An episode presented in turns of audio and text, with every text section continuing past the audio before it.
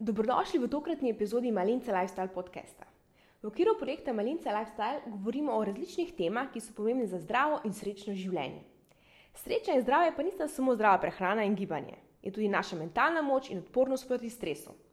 Stres je nekaj, o čemer se po eni strani res veliko govori, žal pa pogosto malo manj ukrepa. Življenje je pisan mozaik, ki prenese marsikaj in čisto iz, vsak izmed nas se že srečal s stresom, morda celo tesnobo in depresijo. V goste sem zato povabila nekaj zanimivih, uspešnih in medijsko izpostavljenih sogovornic, ki nam bodo v štirih podcestih pokazala vsaka svoj vidik na stres in duševno zdravje, ter nam povedale, kako se s stresom soočajo one. Preden pa začnemo, uvodna špica. Dobrodošli v podkastu Malinca Lifestyle. Gre za mesto, kjer govorimo o tematikah, ki so pomembne za zdravo, dolgo in srečno življenje.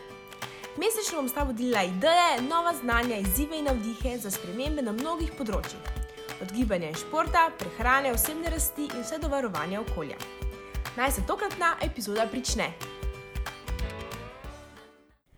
Tokrat je z mano Saša Zor, ki živi izredno dinamično življenje, razpeto med Slovenijo in tujino.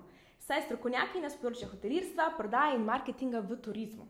Je direktorica prodaje in marketinga hotela Intercontinental, na Instagramu pa je najdemo pod zdekom Saša Fodiva, saj s svojimi sledilci deli recepte, ki z ljubeznijo pripravlja za svojo družinico. Saša namreč tudi mamica, ki nekako uspe usklajevati družinsko in poslovno življenje. Je ena tistih modernih žensk, za katere bi človek rekel, da so nevrjetne in zmorejo prav vse. Kako doseči vse to, ne da bi podlegli stresu, pa nam bo Saša zaupala v tokratnem pogovoru. Saša, dobrodošla.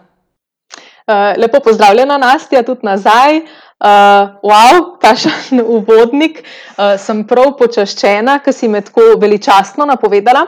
Uh, Hkrati pa v bistvu si obema s tem zadala kar eno tako odgovornost, da bomo danes mogli nekaj pametnega povedati, da bo komu navdih.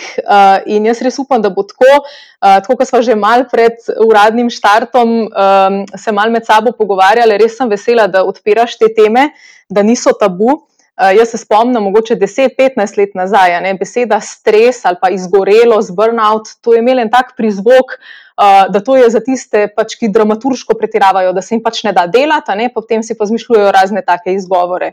Um, ali pa recimo duševno zdravje je imel pač konotacijo samo na duševne bolezni. Uh, jaz sem zelo vesela, da danes ni temu tako in da bomo tudi mi, tvoji ambasadorke, vsaka iz enega svojega vidika, mogoče dale en košček tej sestavljanki, da bo kakšni mlajši, mogoče generacija ali pa isto pripadajoči, uh, zaradi tega kaj lažji. Tako da bom skušala biti, uh, kar se da konkretna, tudi seveda iskrena uh, v svojih odgovorih. No, super, Ej, tako, tako lepo uvod si še ti zdaj naredila. Da, ja, jaz predlagam, da pokor začnemo s tem vprašanjem, ki si že sama uh, omenila, kaj te pomeni skrb za duševno zdravje. Ja, eh, v bistvu najprej tako. No, Meni eh, duševno zdravje ne pomeni odsotnost duševne bolezni, uh, ampak res danes lahko rečem, da se zavedam, da zdravje, zdaj, ali to fizično, duševno, oboje skupaj je res moja absolutna prioriteta. V bistvu ne vidim neke stroge ločnice med njima. Uh, jaz mislim, da tako nekako koexistirata oziroma so vplivata en na drugega. Uh, in tisti slavni, ki je mogoče tako malo posplošeno, se sliši vse je v glavi.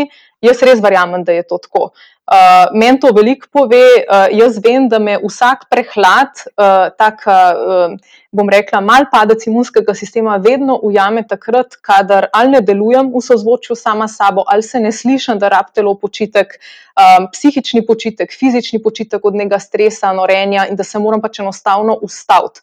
Uh, tako da zdaj, danes sem ponosna na to, da sem pač s tem, ko sem namensko na tem delala, prišla do točke, da mi ni samo umevno, da sem zdrava uh, in da vem, da se v bistvu fizično, psihično močna lahko počutim kos vsakdanu, vsakdanjemu tempu življenja, da lahko izkoriščam svoje potencijale, prepletam vloge in tudi kaj dam.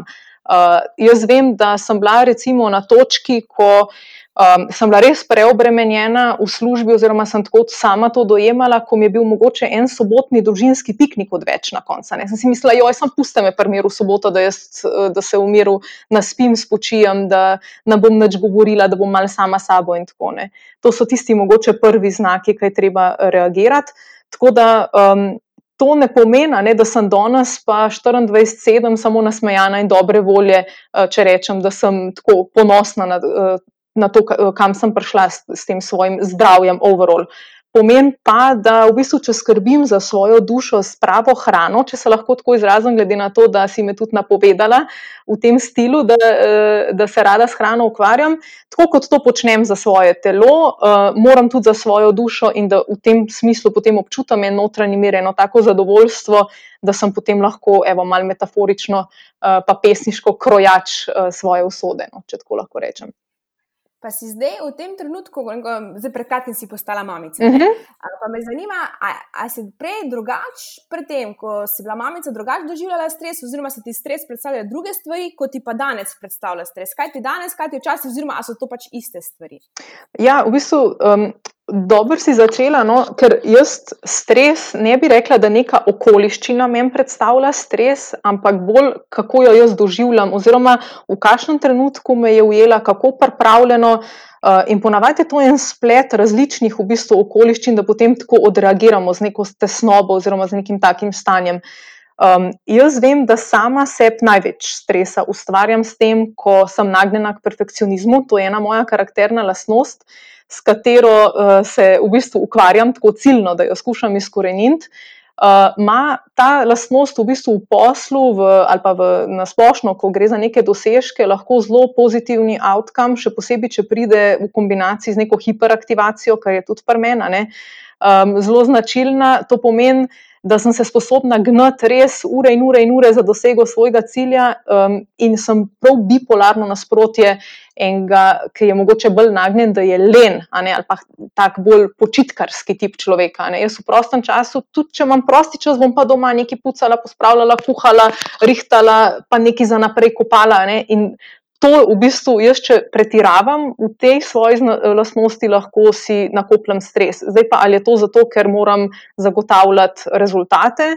Um, v poslu, ali je to zato, ker moram pridobiti nek uh, posel, pa se moram pogajati, ali je to zato, ker moram iti na pet službenih poti v dveh tednih, ali je pa to lahko na koncu zato, da zdaj karikirala, ker se mi mal prsmodi čebula. Tako ni, se pravi, tisti, uh, mogoče en dogodek tisti, ampak uh, tako, če sem overall pomirjena sama s sabo, pa držim vajeti pod kontrolo, potem me težko kaj zelo iztirno. Uh, tako da sem pa v bistvu do tega prišla res z delom, tako z namenskim. Jaz sem se fajn zavedala, sem dobila parka to gledalo, pa trdo šolo, da sem začela na tem delati. No. Tako da zdaj imam popolnoma drug uh, življenjski stil, kot sem ga imela eno leto nazaj. Mark je bil ravno star sedem mesecev, sem na porodniški, v Sloveniji imamo ta luksus, da smo res lahko pač.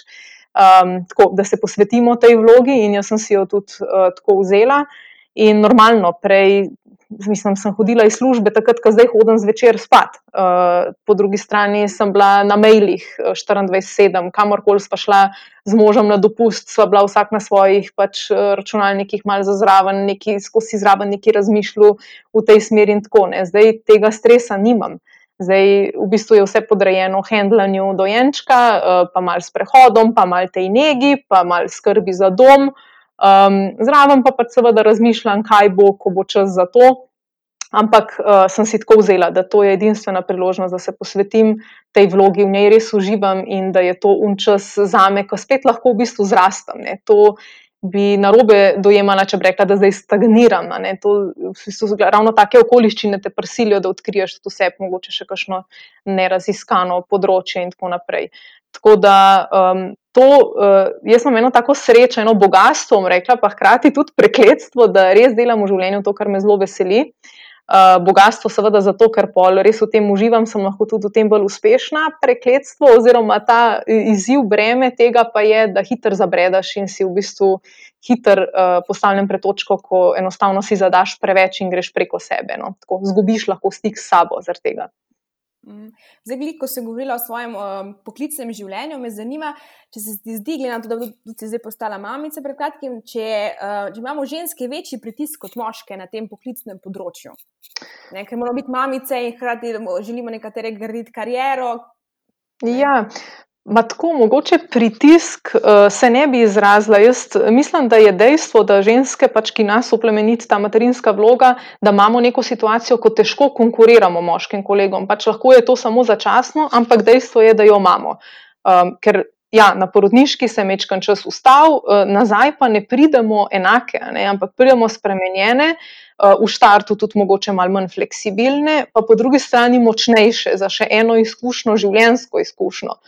In um, jaz, recimo, pred nosečnostjo res nikoli nisem čutila, da bi bila zaradi spola kakorkoli diskriminirana. Res pa je, da sem tudi to um, zelo izkoreninjala, tako namensko se temu upirala, da v bistvu nisem dala, dajala pozornosti na tiste mogoče faktore, na katere jaz nimam vpliva hiter, če bi šla tema na to uh, žensko-moško debato, bi jaz preusmerila na to, uh, na, na kar sem ponosna in kar sem jaz zgradila, ne, ne pa na nekaj, kar mi je bilo pač dano kot dejstvo. No.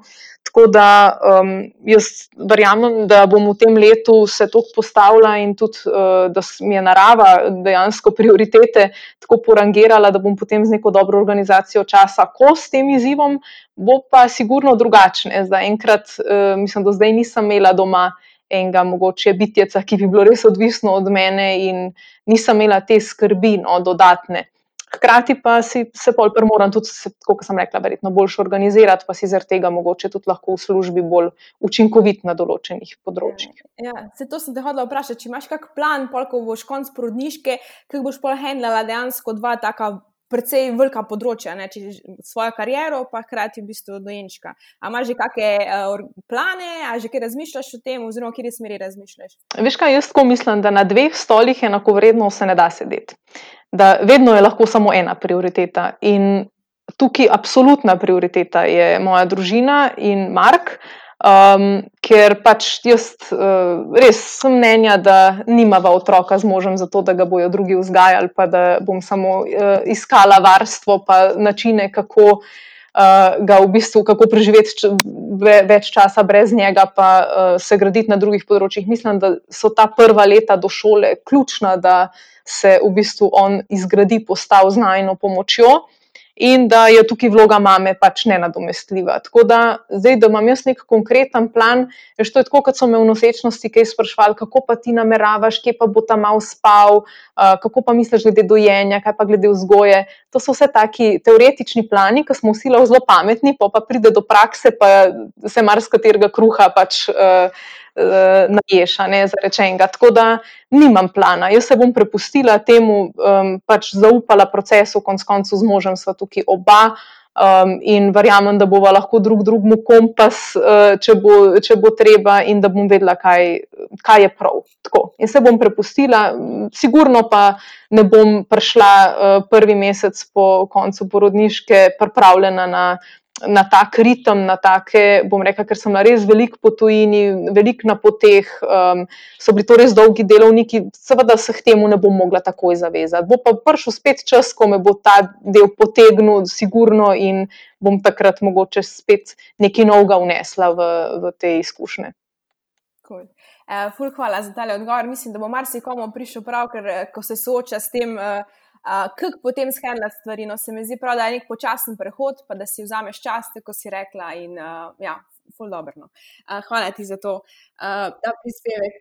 Um, zdaj pa, če se vrnemo še malo nazaj na stres, me zanima, oziroma uh, če imaš kakšne posebne tehnike, ki tebe sproščajo. Ali je to vem, meditacija, šport, branje, kuhanje, vsak ima neke svoje stvari. Kaj so tiste, kar bi ti priporočal, oziroma s čim se ti sproščaš? Jaz jih kar dobro, v bistvu, rangirala res moram meditacijo izpostaviti.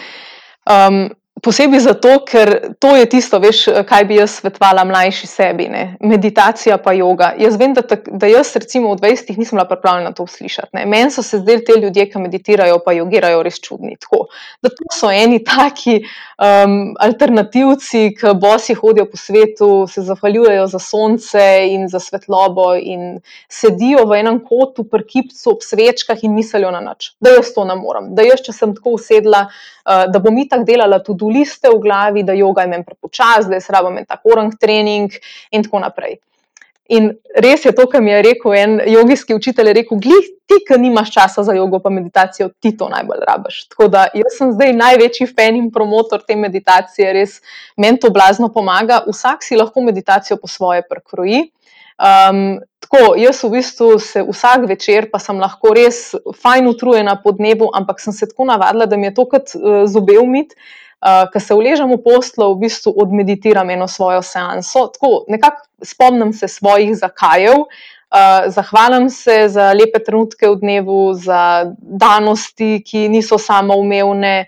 Um, in tako nekako zaspim z enimi takimi mislimi, in res, ko, se, ko mi misli uidejo kam stran, pa hočem tudi jaz pomisliti na nekaj, kar moram jutri narediti, pa narediti, ko še se znam v glavi, pa se hitro nazaj, v bistvu si to zanko nazaj zapnem, odvodam eno meditacijo v glavi, tako da ne zaspim ob tej misli teh seznamov in tega um, norenja in tega, ampak zaspim v bistvu v enem takem brezčasnem trenutku. No, tako, to, tega sem se nekako priučila in držim, in prej, ko sem bila še pač normalno pred nosečnostjo v nekem drugem ritmu življenja, in potem takoj po nosečnosti, mislim po porodu in zdaj, no, res ne mine uh, večer, da ne bi tega oddelala. Včasih je to tri minute, včasih deset minut, ne gledam na uro, pač potem zaspim. Um, tudi recimo šport. Ne. Šport je bila parmendu ena takih stvari, ki. Uh, ja, danes me zelo sprosti, ker bom rekla, se aktivno ukvarjam z različnimi športnimi dejavnostmi, tako iz veselja. Uh, ko sem bila pa na tem, da grem teč kakšne intervale ali pa trenirati v fitness po nekem ambicioznem načrtu s trenerjem, uh, zato da v tisti uri pozabim na vse druge skrbi, normalno, ker sem komi preživela tisti trening. Uh, Uh, in sem vmes pometla pod prepražnik, ker sem prišla domov, sem šla samo pod tuš in spat, recimo. Ne. To me pa mene ni prav daleč pripeljalo. Tako da sem se zdaj tudi naučila šport drugače dojemati, brez kakšnih ur, pa tega napredka, pa brez udeležbe na določenih dogodkih, športnih in tako. Tako da res pač to dojemam kot čas preživeti v naravi. Rajš, zdaj tako spet uh, bom malo alternativno zvenela, ampak res rajš malo opazujem drevesa, se skušam spomniti čim več drevesnih vrst, pa ptičke, pa sledi, po, po, uh, recimo, uh, sledi v, v zemlji, ne vem, opazovati naravo, malo poslušati in tako naprej. Ne dojemam tega kot neko orodje ali za kurjenje kalorij ali za pridobivanje fizične kondicije kot take. Ali, a ne tako, glede na to, da se pač profesionalno s tem ne ukvarjam. Tako da, sigurno narava, um, pa tako kot si tudi sama v bistvu navedla, kuhanje je ena taka moja terapija, branje. Uh, pa tako, rekla na splošno delo z rokami. Tako jaz vidim, da če recimo ali gram klavir ali ne vem, kaj ustvarjam z rokami, včasih sem zelo rada kaj risala ali pa kaj pišem na roke. To mi tako aktivira eno desno polovico možganov in tako me res prosti, ker v bistvu mislim samo na tisto določeno stvar, pa hkrati to ne počnem v neki gonji po rezultatih ali pa po nekem performansu. No, Uh, pa bi rekla, prej sem govorila o meditaciji, pa bi se še malo sam tega dotaknila. Uh, na kak način si se naučila meditacije in če si vedno delala na tak način, kot si zdaj opisala, ali si zdaj delala kakšne vodene meditacije in se na tak način naučila nekaj sprostiti, ali pa, uh -huh. kako je bilo tvoje počenje? Uh, ja, v bistvu najprej sem bila v stiku mogoče s kakšnimi jogici, no, ki so mi tako sploh odprli to uh, idejo, da je fajn meditirati. Pa sem se začela malo poglabljati. Um, jaz sem bila tudi pri uh, enem ajurvedskem zdravniku, pa potem na določenih potovanjih, ki so bile malo tako zaznamovana. In vedno je ta meditacija, umirjanje, sproščanje, mogoče z različnimi besedami, ne, uh, prihajala nekako pri meni na plano, jaz sem pa hotela kaj drugega slišati. No. In sem potem malo kopala, sem se tudi poslužila določenih vodenih meditacij, recimo na YouTubu je ogromno tega, ampak vedno me je neki motil, ali je bil glas preveč rezek, ali je bil, ali je bil govor prehiter, ali je bil prepočasen, ali um, mogoče tudi zato, ker vse meditirati je najlažje v svojem maternem jeziku. Te misli, te najglobji občutki. Ti lahko si zelo suveren, recimo konkretno v angleščini, ampak ni isto. Ne? In me je to zmotilo. Čim je bil mogoče slovenski jezik, ali mi je bil preveč zboren, ali premalo zboren, ali preveč mašil, res sem bila občutljiva na to in sem ugotovila, da moram jaz v bistvu ta glas sama sebi ustvariti, da me lahko mogoče drugi dajo idejo, kako. Um, Ko ne moreš na noč misliti. Jaz še zdaj nisem v takem, bom rekla, v, v tej poziciji, ampak mogoče tudi ne želim biti. Meni je čisto všeč, da se nekako, da si skreiram en tak svoj ritual, uh, mogoče v kombinaciji nekih uh, takih, ki sem jih po, verjetno pobrala skozi leta, skozi različne slišane meditacije, in da imam zdaj eno tako svojo prakso. Tako, uh, sigurno so nastale vodene meditacije tako kot molitvice z nekim namenom, ki imajo neko določeno melodičnost in svoj smisel, ker če si nekaj non-stop ponavljaš eno in isto, eno in isto, to pomirja, ne? tako kot te zrutinirane dejavnosti. Ampak jaz vidim, da mene pa še vse najbolj pomirja, če tako kreativno iščem svoje zakaje, svoje, zakaj moram biti hvaležna, če mal preskeniram dan, mal te slike dneva skladam v glavi. Mene to v bistvu zelo pomerja. Tako da uh, tako, uh, sigurno pa danes je težko izločiti, da danes se sam nič ne moreš več spomniti, ker sigurno se je nekdo predstavil že vsega tega domislu. Tako da verjetno pobiraš, ne, ko hodiš pač po svetu, malo bolj z odprtimi očmi in ušesi, um, pač pobiraš različne inserte od ljudi, ki jih srečaš, od uh, mogoče kakšnih člankov, knjig, ki jih prebereš, konc koncev interneta in tako naprej. Cool. Ej, ful, hvala. Mislim, jaz uh, tak način meditacije, meditacije še nisem slišala, ampak se mi zdi v bistvu ful dobra ideja uh, za sprobati, da bom sprobala. E, no, super, poročaj. bom, bom. Uh, zdaj pa zanima, gleda tudi, da si v službi zelo izpostavljena, mislim, si v stiku z velikim številom ljudi, pa tudi v bistvu na Instagramu imaš veliko sledilcev. Pa me zanima, verjetno prišlo do kakšne kritike, negativnega komentarja in kako se spopadaš s tem? Ti to predstavlja stres, kako reagiraš na take stvari?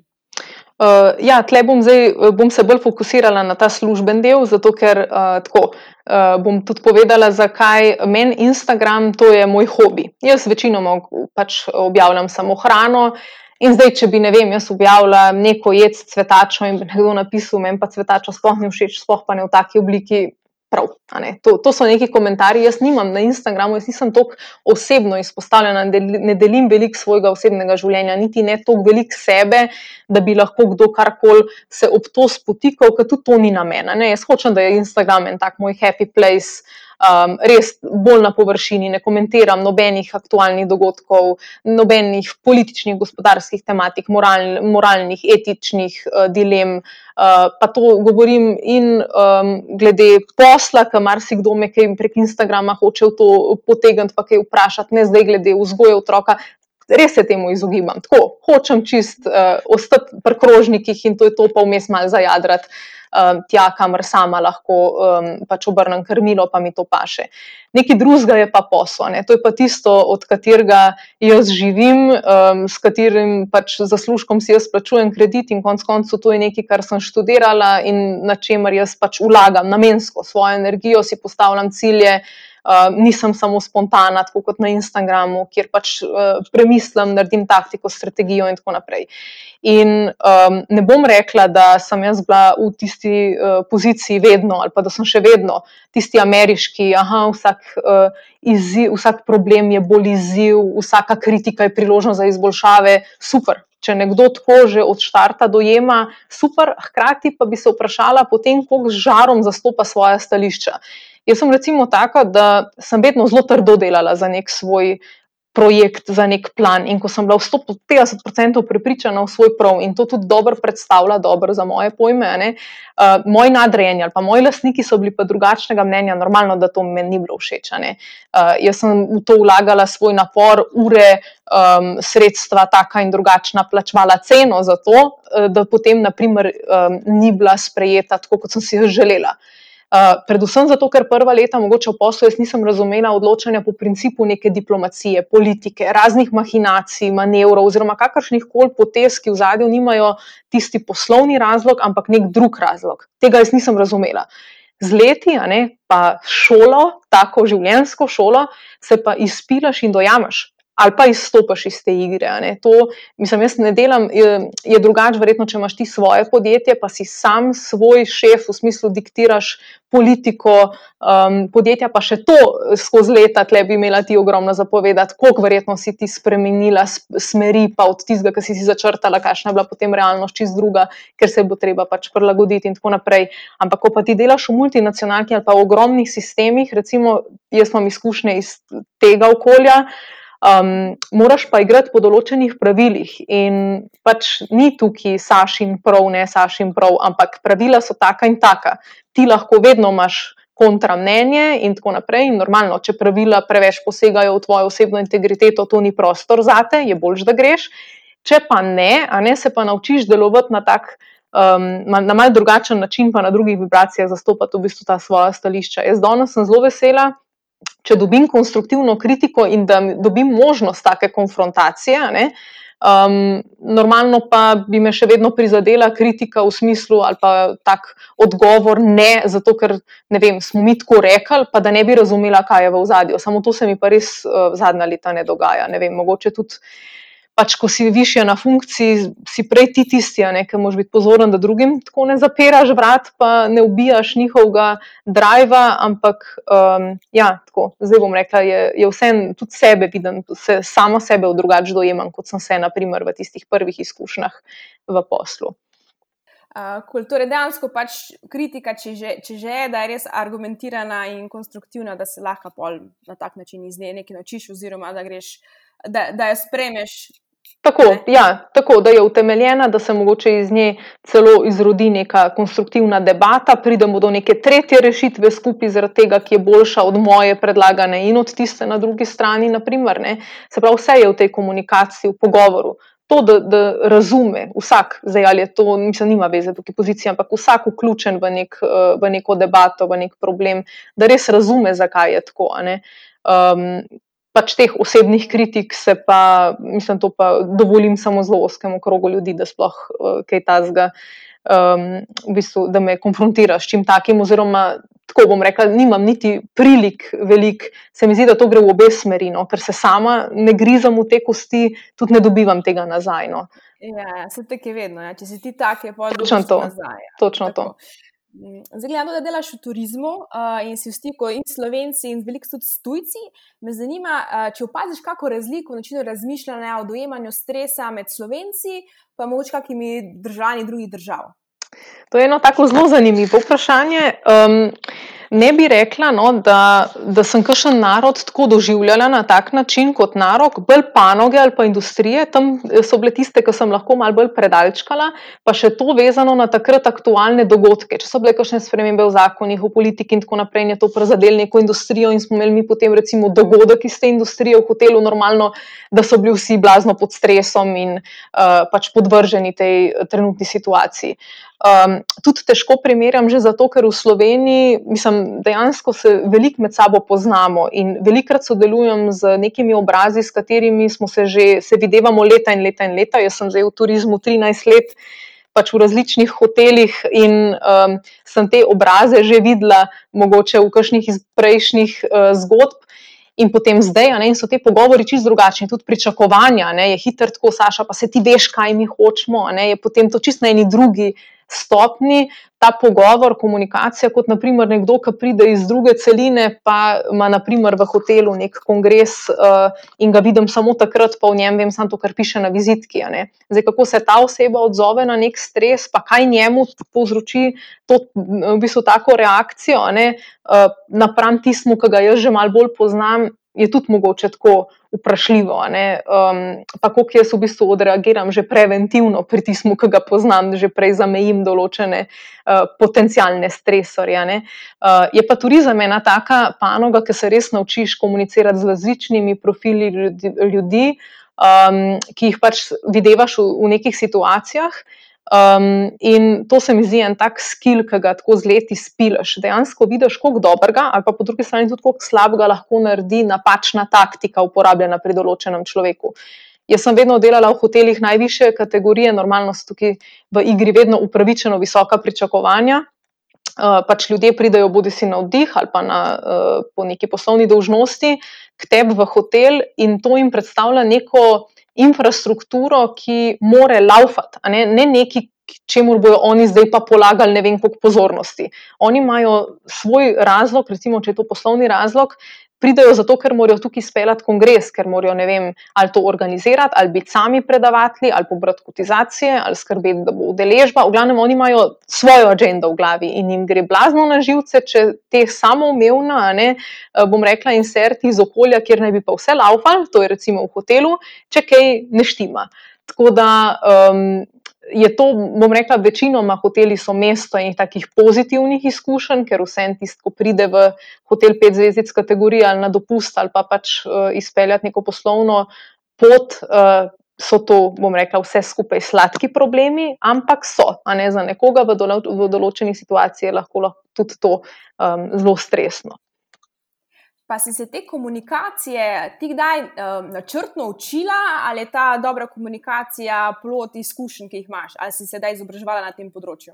Uh, Veliko sem se izobraževala na tem področju in tako uradno bom rekla, se udeleževala raznih um, tečajev, um, recimo z tega področja, in tako, da sem imela vedno okrog sebe ene take bom rekla, mentorje, pa ne uradne mentorje, ampak neke ljudi, ki sem se lahko po njih zgledovala in si v bistvu zlagala en tak, uh, en tak vzor uh, poslovni, kot skupek lasnosti pri določenih uh, profilih oseb, ki so mi bili pač recimo blizu po tej poslovni dožnosti. Um, sigurno sem pa na tem tudi dost namensko delala, uh, konkretno in z določenimi svetovalci, svetovalnimi družbami, ki sem sodelovala tudi po celo leto, recimo z njimi um, na tem, da, res, um, da smo pač pilali komunikacijo, um, tako verbalno, neverbalno, v tem, kako dobro sebe nadzirati v stresnih situacijah. Potem različne, bom rekla, take treninge sem izpeljala in pač uh, zdaj v, tej vlogi in v prejšnjih vlogah, uh, vezanih čisto konkretno na ta naš posel in na splošno, v bistvu, kako dobro delati z različnimi tipi ljudi. Um, tako, uh, vsa leta v bistvu sem res um, delala na tem, da nisem stala premjera, da sem v bistvu um, vse čas tudi svoje nadrejene izzivala, kam bi vse šle, jaz rada šla, na kakšen trening, kakšen tečaj, šolanje, izobraževanje, prnas, predvsem pa v tujino, da bi lahko to izpopolnjevala, da bom prišla nazaj, bogatejša za znanje, da bom lahko prepravila predstavitev tudi za druge kolege, da jim bom jaz lahko kaj dala. Uh, povezvala sem se s profesori, z dekani po šolah. Da, tako, um, vedno je bil v meni en tak nemiren duh, ki je vedel, da, uh, da pač to znanje nekje obstaja, se je nekdo pred mano do njega dokopal in mi ga lahko prelije. Tako, zdaj pa, tudi če nisem imela, tako kot sem rekla, možnosti vedno iti na te določene plačljive seminarje oziroma aktivnosti, sem si pa v bistvu našla en tak krok ljudi. Ker pač konec koncev vse je lepo, ko imaš občutek, da lahko nekomu pomagaš, nekomu daš. Jaz sem tudi potem, kasneje, sama kot mentor začela delati um, a ne pa to vračati, tako kot rečejo, pay forward. Tako kot sem jaz bila deležna te pozitive, tako v bistvu jaz zdaj skrbim za to, da če le lahko kašnemu mladmu uh, jaz kašen na svet ponudim. No, super, uh, fule poslišati. Le, mi smo zdaj prišli do zadnjega vprašanja. Uh, in sicer, uh, kaj bi ti svetovala poslušalcem, ki se soočajo s stresom, oziroma ki se v tem trenutku ne počutijo dobro v svoji koži? Tudi ti si sama rekla, da imaš tako izkušnjo, In me zanima, kak na svet bi dala takim, tak, ki so v tem trenutku v taki situaciji. Ja, jaz sem se počutila tako pod stresom, obremenjeno in takrat vem, da najbolj mi je pomagalo pogovarjati se, pač dati občutke ven iz sebe. Zdaj, govorila bom v situaciji, ko ne gre za tisto uh, izgorelost, tisti burnout, ki je dejansko bolezen. Uh, in tudi ne za kakšen drugo alarmantna stanja, ampak za tisto, ko pač samo veš, da hod, da v bistvu oranžna lučka še že utripa, ampak ne veš čistočena, ne, kako odreagirati. Jaz mislim, da takrat je res fajn, um, dobro se vase zazret, se tako nekako. Si prisluhniti in prevetriti, jaz nekaj to svojo osebno bilanco, v smislu, kje sem, kam grem, s kom grem, kako grem tja. Ta, s kom grem je zelo pomemben. Pač odnosi, a ne, so to s primarno družino, sekundarno, um, vznosi v službi, kdo so moji prijatelji. Vse to, treba je čistke delati v življenju, ker se spremenjamo, rastemo in tisto, kar ne raste z nami, nas lahko vleče dol. Se pravi, ko je ta faza mimo, je mogoče prepozno za take lajčne nasvete. Jaz govorim res za tisto zgodno fazo, ki je fajn preurgirati.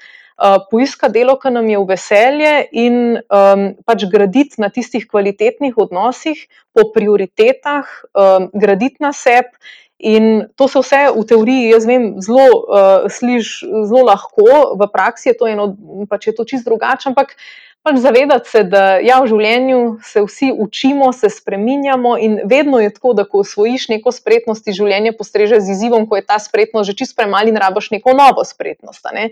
Se pravi, ta pogovor, mogoče z različnimi profili ljudi, brskati za pomočjo, tako in drugačno, iskati ta svoj um, te svoje mogoče načine sproščanja, um, relaksacije, tako nekaj, kar te veseli. Mogoče se vprašati, kaj te je veselilo, ko si bil mehen, ko si bil otrok, mogoče to spet malo oživeti nazaj. Danes, ne vem, je sestavljanje Lego kocke ena glavnih, bom rekla. um, strategij tudi v poslu, ne, kako v bistvu se dokopati do nekega um, projekta, kako rešiti ne, neko zagato. Pa so to kocke. In pač na ta način um, se mi zdi pa, da pomaga, da si pač ubijaš v glavo, da z uporabo iste formule bo vedno isti rezultat. Če hočeš, da je neka sprememba, je treba nekaj spremeniti. In ponavadi pač ja, najlepši razgledi so vedno iz najbolj strmih uh, vrhov, a ne je treba do tja priti po neki ovinkasti, zoprni poti, ampak je pa najlepši razgled, ko prideš gor. Tako da z neko pozitivno, z nekim drivom in pač ja, uh, evo. Tvoj podcast bi tudi, uh, bi tudi priporočila uh, take vsebine, ne, da se veliko o tem posluša, govori s prijateljicami, z mogoče starši, s tetami. Najdete različne sogovornike, ki ste pripravljeni poslušati in pa sam kopati uh, in najdete tisto svojo formulo za srečo. Uh, Saša, fulepo povedano, hvala ti, da sem prišel do konca. Um, in to je to. Ja, hvala lepa, Nastja. Evo, jaz sem spila svojo kavico, s tabo sem poklepetala. To je zihar danes vključeno v mojo meditacijo hvaležnosti, da sem se tako lepo crklala, no, evo, pol urce na tak kvaliteten način. Hvala, čau, čau. Hvala, adijo. No, pa smo prišli do konca. Verjamem, da ti bo kakšna od informacij prišla prav na tvoji življenjski poti. Če imaš kakršno koli vprašanje ali predlog, mi lahko vedno pošlješ na moj e-mail nastjafnamalinca.si ali pa na zasebno sporočilo na Instagram malinca nastja. Ne pozabi stisniti subscribe, da ne zamudiš naslednjih epizod. Zelo vesela pa bom tudi tvoje ocene in mnenja pod to podcast platformo. Tako lahko pomagaš, da bo ta podcast prišel na hod tudi drugim poslušalcem. Je v dan in se slišiva spet k malu.